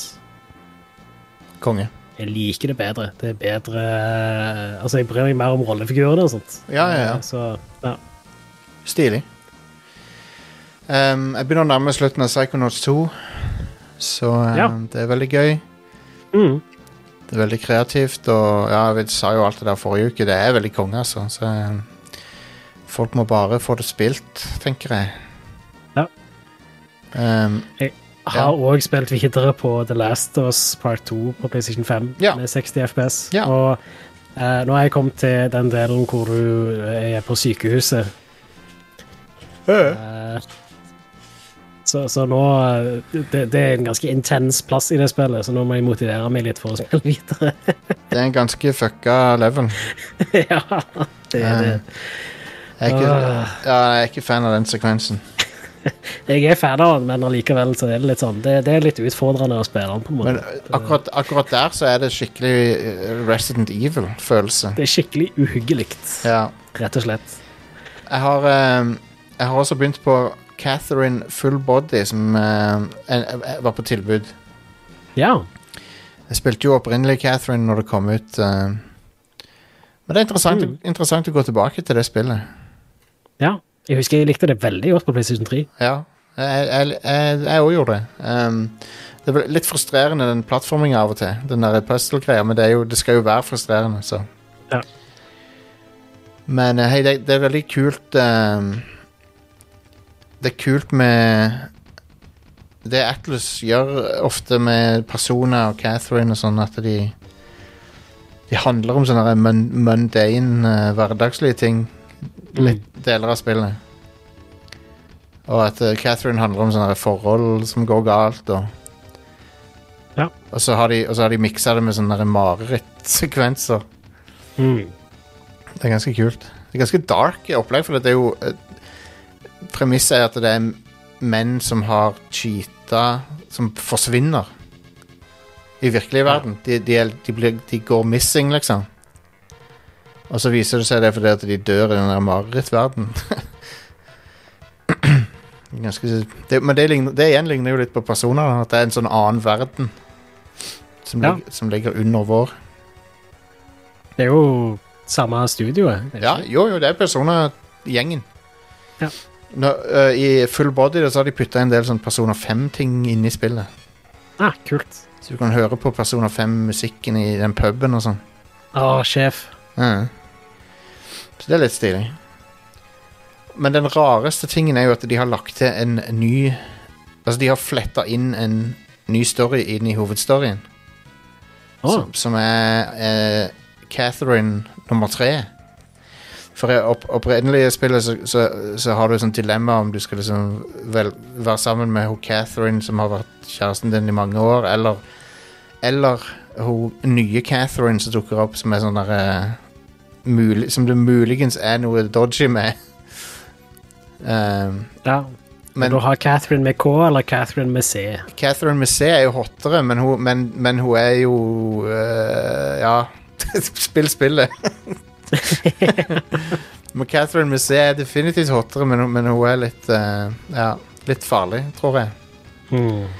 Og så har du øh, Catherine med jeg, Først så kaller de jo bare Rin, men Rin er kort for Catherine. Um, det er tidlig i spillet, da, så det er ikke noe spoiler. Mm. Men hun heter Catherine McCoo, og det er jo for, Det sleit jeg med å akseptere, men Greit nok. Catherine. Catherine. Ja, ja. Ja, hun er en tredje Catherine, da. Som ja. Men hvordan ellers skulle de ha stava det, da? Sånn sett. Nei, det er et godt poeng. Det er, liksom, det er ikke noe alternativ. Hvis de, hvis de skal legge til en til Catherine, så må de nesten Det er bare de tre bokstavene som har den lyden. Ja, det er det.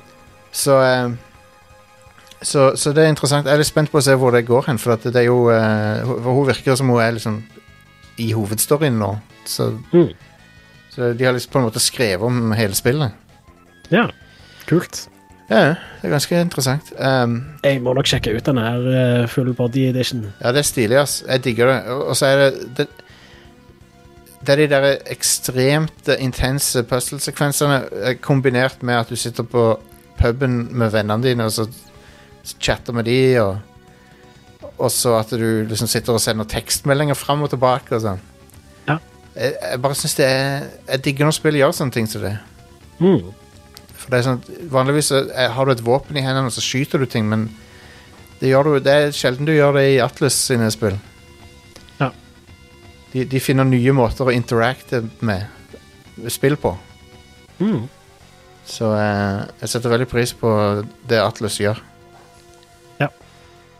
Men så ja, det er Catherine full body. Jeg liker det veldig godt, men uh, hvis de, de, de hjelper deg veldig med de puzzle-sekvensene da, så du kan faktisk Hvis du kun har lyst til å spille spillet som en visual novel, så kan du det nå. Ok, Så du kan spille det på sånn very easy eller easy automatic eller noe sånt? Ja, automatisk modus, ja. Ja, Og da, da, da gjør han puzzlene for deg. ja så greit. Ja.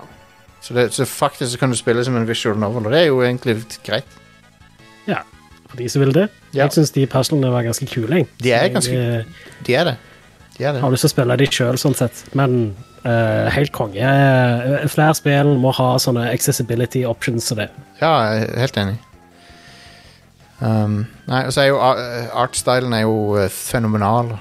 Ja, absolutt. Det er jo den Atlas er jo Ingen som er bedre enn de på det. Det er noe med stilen deres. Altså. Jeg, jeg syns karakterene ser kule ut, og det Ja, Ja. nei. det er så, han Hovedpersonen i Catherine, han er en eh, loser. det er så bra å ha en sånn derre Han er så lame fyr. Ja. Det, det er bra å ha en sånn en eh, total eh, sånn fuckboy-dust som hovedperson. Jeg bare liker det at det er sånn Han er, han er, han er en flawed eh, character. Og han, han er ikke en Mm. antihelt heller. Han er bare sånn Du er en fuckings dust, liksom. Du, du eh, er i ferd med å kaste vekk livet ditt. Eh, men, men han er realistisk også. Jeg liker det. Um, så nei, Catherine Full Body eh, det anbefaler jeg. Det er en, uh, jeg er glad jeg sjekka det ut endelig. Mm. Det er et unik, unikt spill. Ja, Fins ikke, ikke noe som ligner på det. Mm.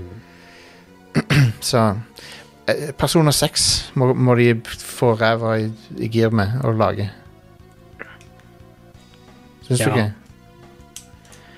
Men det kan jo ikke være så veldig langt unna heller. De begynte jo sikkert på det etter de var ferdig med Ja. uh, Persona 5 Royal. Når var det fireren kom? 2009? Um, Er det så lenge siden? ja, jeg tror det. Nei, 2008.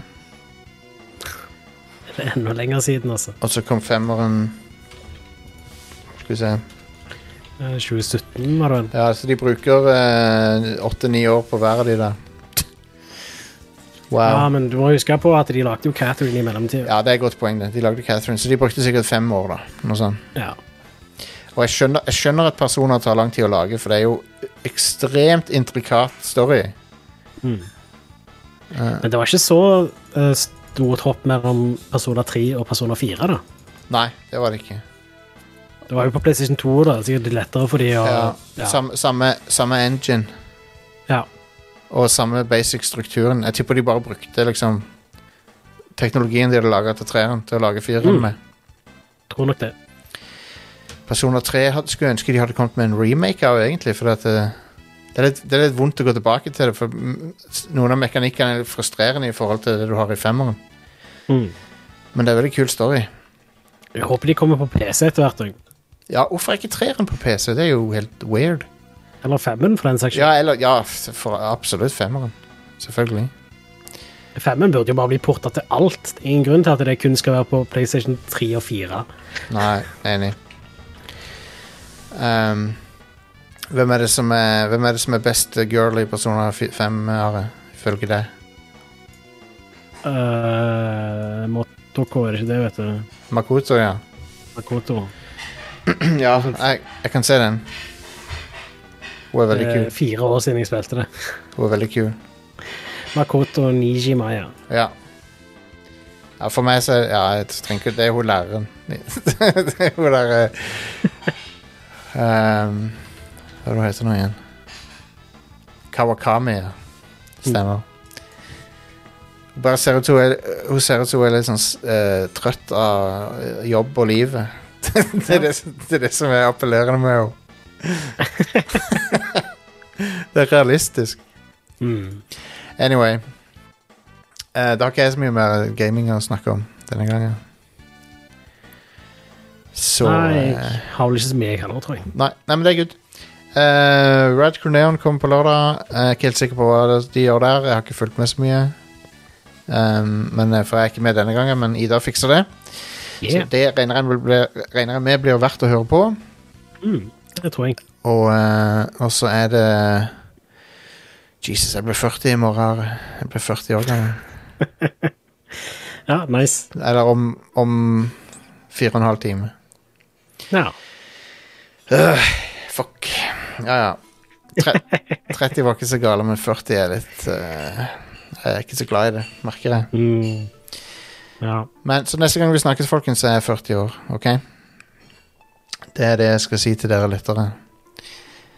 Så eh, Så, så da. Vi, vi snakkes da, på den andre sida. Ja. I the dark, eh, dark world. Ja. Um, men, men ja, neste uke tilbake med Radcrew, selvfølgelig. Eh, neste show på Eldorado er 29. september. Sjekk det ut.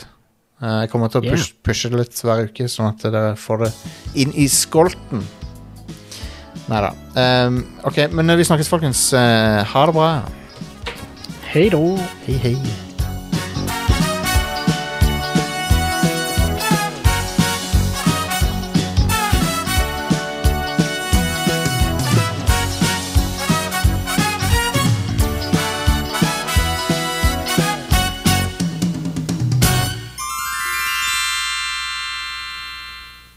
fucking car in front of me. Its license plate it says fucking Subaru.